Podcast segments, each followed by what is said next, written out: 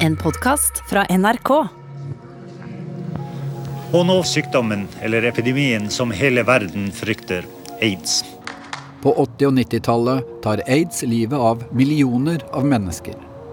Ja, men, men guri mann, jeg har jo vært i så mye begravelser. At jeg, både besteforeldrene mine og foreldrene mine og tanter og onkler til sammen har ikke vært i så mye begravelser.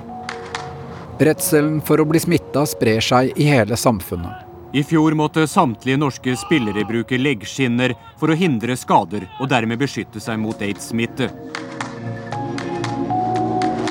Du hører på den andre av tre deler av hele historien om aids-epidemien av Kristin Moxnes. Du er abstinent, du har stoffet. Så mangler du sprøyter, da bruker du den sprøyta som er der. Det er tidlig på 1980-tallet. Jorunn Sotvedt Prusik fra Drammen er sprøytenarkoman. Om det var to på den eller tre på den. Og gjorde den i regn med vann, liksom. Det var det. Kanskje klorin. Jeg måtte ha to til tre skudd hver dag. Heroinen setter hun inn i blodåra med en sprøyte. På 80-tallet er det veldig vanskelig å få tak i engangssprøyter. Det var et lite sant helvete å greie å få tak i det. Den gangen så hendte det faktisk at vi dro helt fra fylke til fylke. Vi kjørte fra Drammen til Vestfold, Telemark og var innom ethvert apotek. Så i rusmiljøene deler mange på sprøyter. Da følger det ofte med en blodskvett. Og hvis forrige bruker er hiv-smittet, følger viruset med. Jeg kjenner jenter som har vært der, som har skriket Får jeg kjøpe, får jeg kjøpe en brukt sprøyte for 50 kroner, da? Vær så snill, jeg må stå litt på gråten for å få kjøpe en brukt sprøyte. Det er for jævlig. Når Jorunn er hos legen, tar han en hiv-test på henne uten at hun vet det. Etter en ukes tid så får jeg da telefon om at jeg måtte komme inn på kontoret hans. Og da begynte jeg å tenke her må det være noe gærent.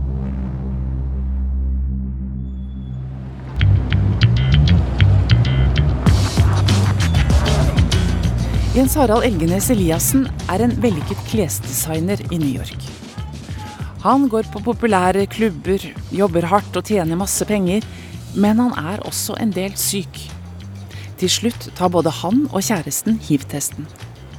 Og da var det selvfølgelig positiv. Og den kvelden så hadde vi fest. Fordi nå visste jeg det var befrielse å vite. Og det tror jeg på en måte nesten alle som går og er syke lenge. Når de da endelig får svar, så er det på en måte en lettelse. Aids er nå den vanligste dødsårsaken blant homofile menn i USA. Det finnes ingen medisin, og det finnes ingen vaksine. Så begynte jeg å gå i gruppeterapi. Eh, møter. Altså det var et svært rom i en lagerbygning i eh, Bowery, altså helt nede i, i New York. Så var det et svært fabrikklokale hvor du måtte ringe på og få en kode for å komme opp. Og så var det helt etasje med rader på rader på rader med stoler, hvor vi da satt og fikk prate. Og hadde en da guide som sto foran oss og ledet møtet. Og så kunne vi gråte og dele bekymringer og dele livet vårt. Og, uh, og der satt jo også så mange folk med aids. Det var helt tydelig at de, de var liksom blålilla over hele kroppen med kaposis, som er en, en kreftsykdom som gjør at du får blemmer over hele kroppen. Og så var det veldig mange blinde. For en av bivirkningene på den tiden av hiv var at man ble blind. Man fikk et virus på øyet. Veldig mange fikk hiv-diagnosen, og så døde de der og da. Og så tok det bare x antall tid før de døde av aids.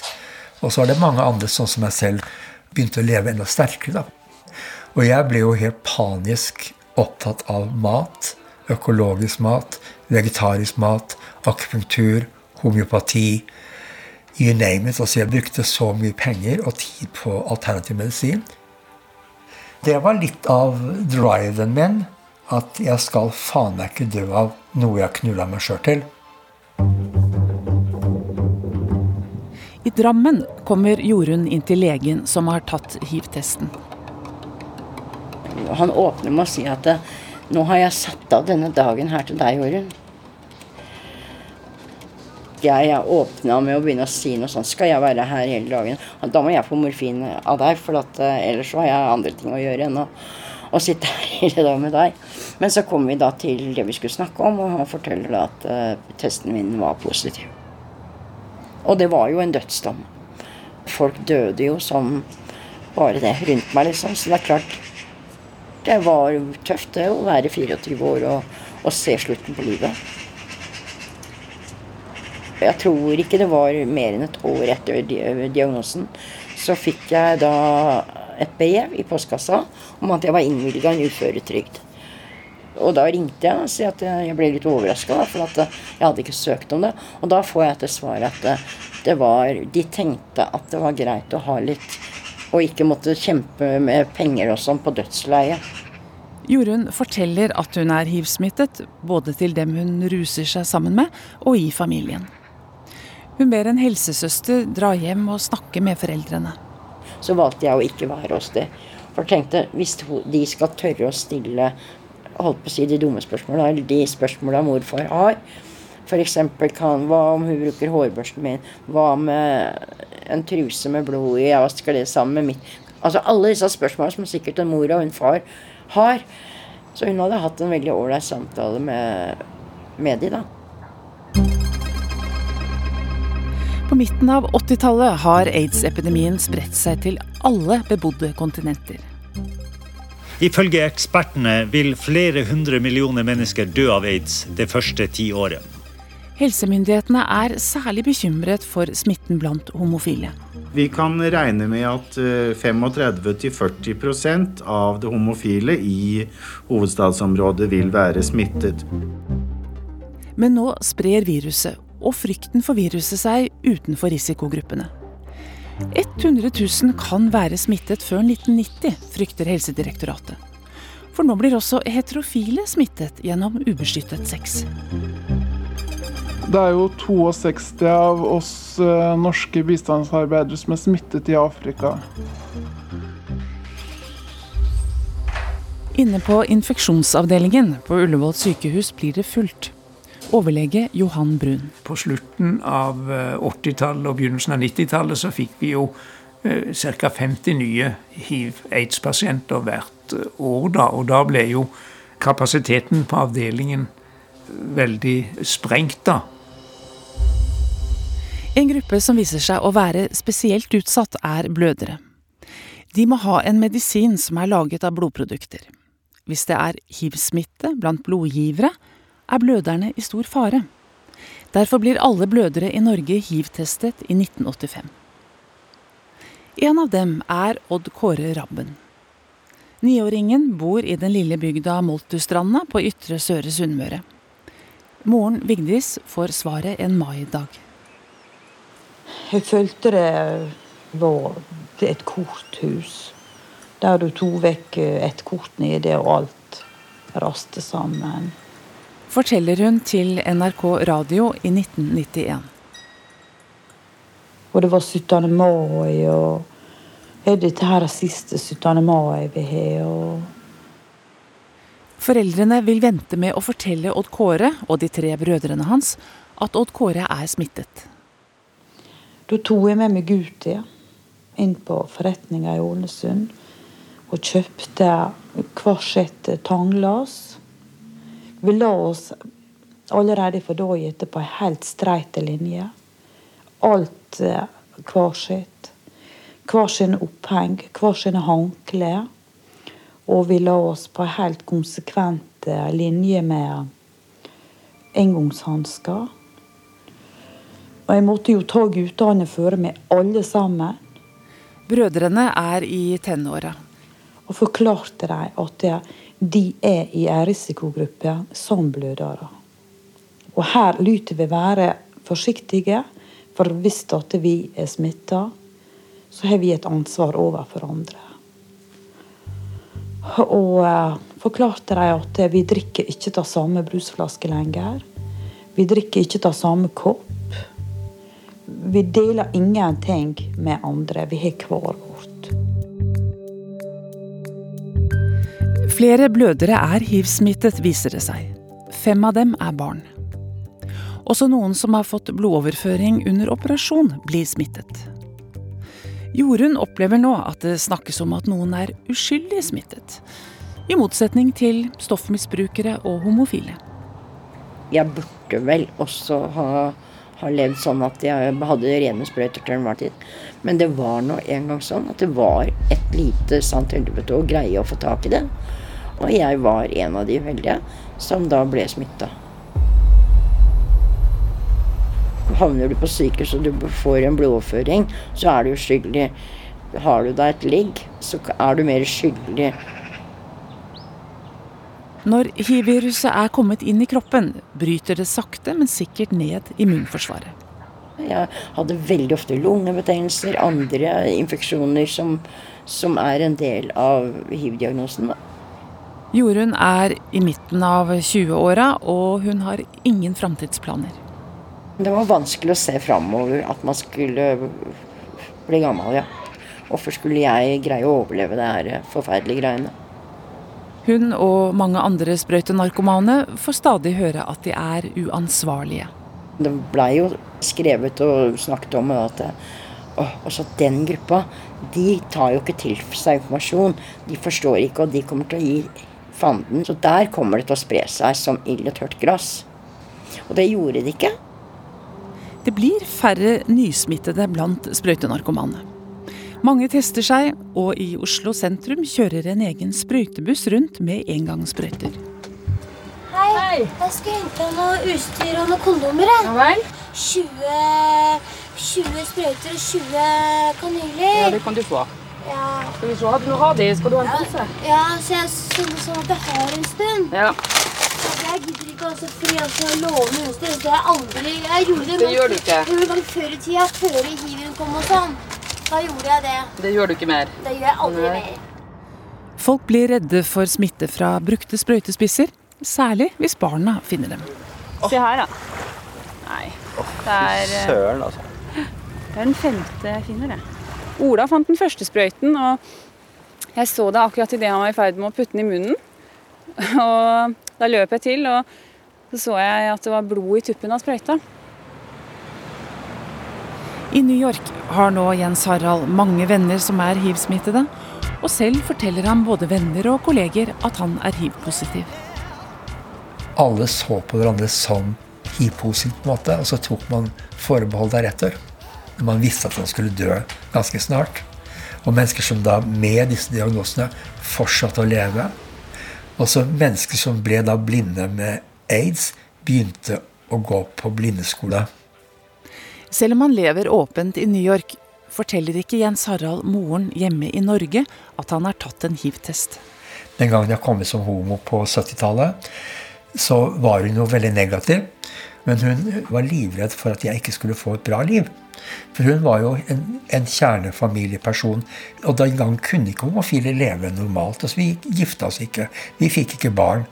Så hun tror jeg tenkte på en måte ok, stakkars sønnen min skal aldri få et bra liv. For bra liv for henne var å jobbe i fabrikk, som faren min gjorde, og ha to barn og carport.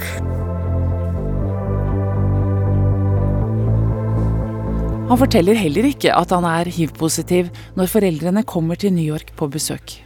Altså, Mamma og pappa reiste aldri i verden. Altså, de var aldri noen steder, men de kom til New York. Mamma ante ikke hva en fashion designer var. Hun ante ikke hva jeg gjorde for noe. Og så gikk vi inn på en avdeling på Macy's, som var dette svære kjøpesenteret. Og så sa jeg til mamma Se rundt deg her nå, mamma. Alt dette her er mitt design. Det er eneste gangen jeg har sett i mamma litt sånn stolthetsfølelse.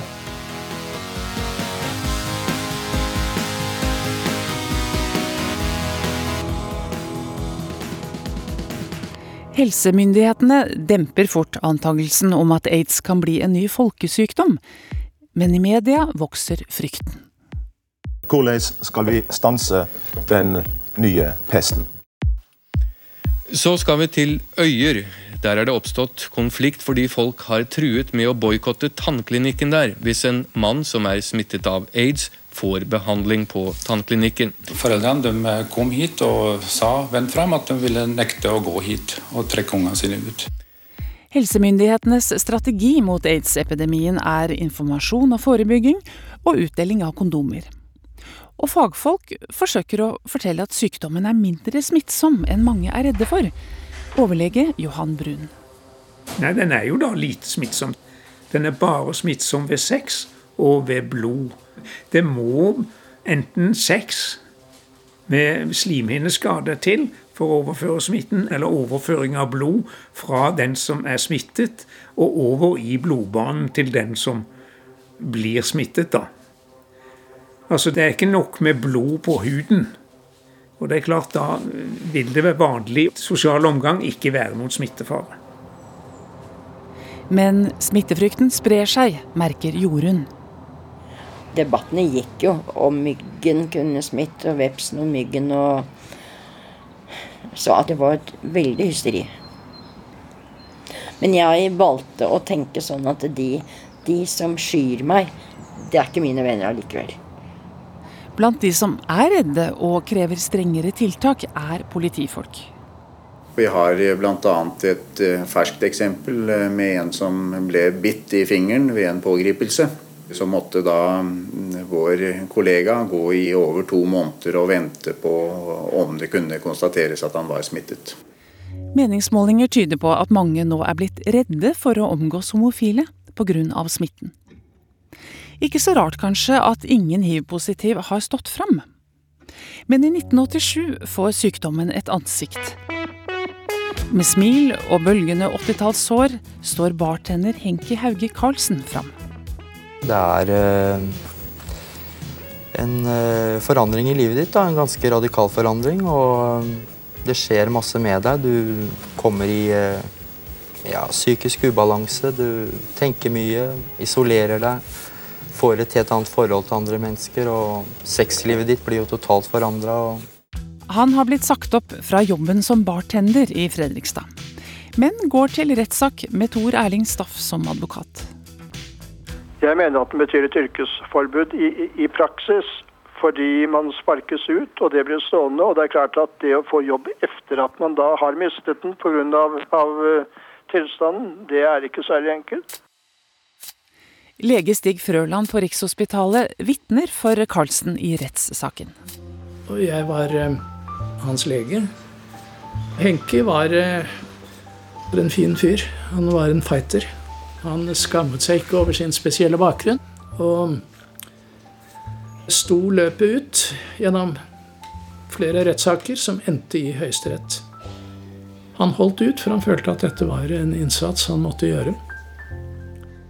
En septemberdag i 1988 høres jubel og klapping i Høyesterett. Ja, jeg oppfatter at Høyesterett har gjenopprettet det jeg kaller anstendighetsnivået innen arbeidslivet. Ja, jeg må jo bare si at jeg er uh, lykkelig over utfallet. Det er uh, lønn til meg for uh, tre år med, med hardt strev og kamp. Det syns jeg.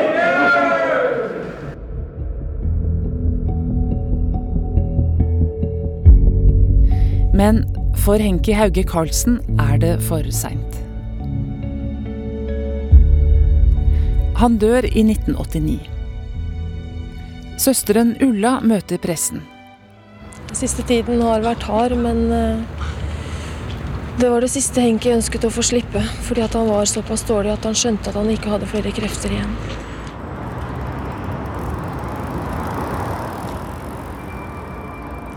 På Moltustranda på Sunnmøre har Odd Kåre Rabben mye plager og smerter i leddene fordi han har alvorlig blødersykdom. At han også er hiv-positiv, det har foreldrene spart ham for å vite i tre år. Nå skal tolvåringen få beskjed. Mor Vigdis Rabben. Og han fikk nå skoleferie. Og vi hadde campingvogna stående inne i Ørsta. For vi var mye der inne og fiska, han og jeg, da. Og uh, da spurte jeg nå om at uh, han som bløder, noen gang hadde tenkt over at han var i, i en risikogruppe for hiv-smitta. Og da eh, ble hun stille, da. Og så kikka hun litt sånn ned og kikka opp igjen med sånn skikkelig triste øyne på meg, da. Og da Jeg skjønner Eller jeg forsto det sånn. Så jeg bare begynte å grine skikkelig Jeg brøt rett og slett i hop der vi satt. Men når han brast i hop og gråt, da følte jeg en veldig stor lettelse. Det jeg var redd det var at det, det bare skulle passere og liksom ikke gå inn. Kanskje tøffe seg og sånn. Eller sprenge på dør. Da gikk jeg bort med mamma, og vi satt i sofaen der. Og, og jeg tror ikke det vi sov noe særlig den natta, verken jeg eller mamma. da, for Vi satt veldig lenge og prata og prata om alt mulig. Så. Samme kveld sa han jeg er så glad mamma for ikke fått visst det før. Hiv-viruset har jobbet i kroppen hans i tre år. Han får soppinfeksjon i munnen og spiserøret og plages mye av diaré. Familien får beskjed om å komme til Rikshospitalet. Stig Frøland blir legen hans. Han var en uh, veldig blid, utadvendt kar. Vi fikk fra første stund et veldig godt forhold. Vi gjorde det. Han var også liksom Henki var han også en fighter på sin måte. Det var han. Odd Kåre må stadig reise fra Sunnmøre og inn til behandling på Rikshospitalet i Oslo. Han var jo en del av inventaret, delvis, på, på Rikshospitalet i perioder. Vi snakket om livet vårt på Vestlandet og Sunnmøre og sånn. Jeg har jo aner derfra, jeg også. Så vi ja da. Vi snakket om løst og fast. Ikke så forferdelig mye om, eh, om aids. Jeg tok jo alltid en optimistisk tone overfor Odd Kåre. Jeg kunne jo ikke si til ham at uh, vi regnet med at dette skulle gå galt. Når lokalsamfunnet får vite at Odd Kåre er hiv-positiv, slår de ring om familien. Klassekameratene samler inn penger til en gave. Odd Kåre bruker pengene til å kjøpe en hundevalp, og kaller den opp etter legen sin, Sofus. Ja, det stemmer det. Mitt annet navn, Sofus. Så det var, eh, det var hyggelig, det. Det er jo noe med barn og sykdom som eh, selv på en gammel, hardbarket lege gjør inntrykk. Og nå, i 1987, kommer endelig en medisin. Sju år etter det første kjente aids-dødsfallet kommer det første medikamentet som får ned virusmengden i blodet. AZT heter medisinen som blir godkjent i rekordfart av de amerikanske helsemyndighetene. The FDA's approval of AZT today is one of the quickest approval actions on record and will make the drug available to the 14,000 AIDS victims who can be helped by it. Legene som er tett på de aids-syke, tør endelig å være optimistiske. Johan Brun, Ullevål sykehus. Vi hadde jo veldig store forventninger. Fordi de første forsøkene viste jo at pasienten ble dramatisk mye bedre når de startet med medisinen. Stig Frøland, Rikshospitalet. Og da var vi lykkelige. Nå ser vi slutten kanskje på dette her. Frøland setter hiv-positive Odd Kåre på aids-medisinen ACT. På Ullevål sykehus setter doktor Brun sin pasient Jorunn på medisinen. De plagene jeg har, da, det er de plagene som på en måte sitter igjen fra ACT. Jeg fikk veldig mye plager med huden. Så på leggene liksom, så har jeg masse sånne blåmerker. Hiv-positive Jens Harald i New York får også tilbud om ACT. Han takker nei. Jeg tok aldri den. Alle andre rundt meg tok den. For meg har appearance vært veldig viktig. på en måte Hvordan jeg ser ut, og hvordan jeg tar meg ut. Og jeg ville ikke oppfattes som syk. Jeg ville ikke oppfattes som hiv. Jeg ville ikke oppfattes som en diagnose. Når man begynte på ACT, så ble på en måte huden og håret alt ble gjennomsiktig. Så det var så veldig tydelig å se på mennesket. Oi, han går på, eller hun går på ACT. Så det ville ikke jeg. Så det var en av grunnene. Plutselig trodde jeg ikke på det. Og det var intuitivt. ACT, omtalt som mirakelmedisinen, viser seg å gi pasientene mange bivirkninger. Stig Frøland. Så etter hvert, så, og det så jo så går også, så skjedde det at det begynte å gå nedover igjen da. Når de hadde stått på det en stund, etter et ca. et halvt år, så ble de dårligere igjen. Og Det skyldtes at viruset har evnen til å mutere stadig, og ble motstandsdyktig mot ACT i løpet av kort tid. Skuffelsen er voldsom, både for pasienter og for legene deres. Jeg så jo at flertallet av mine pasienter det endte dødelig etter at vi hadde klart å holde dem flytende veldig lenge. Det er forferdelig frustrerende.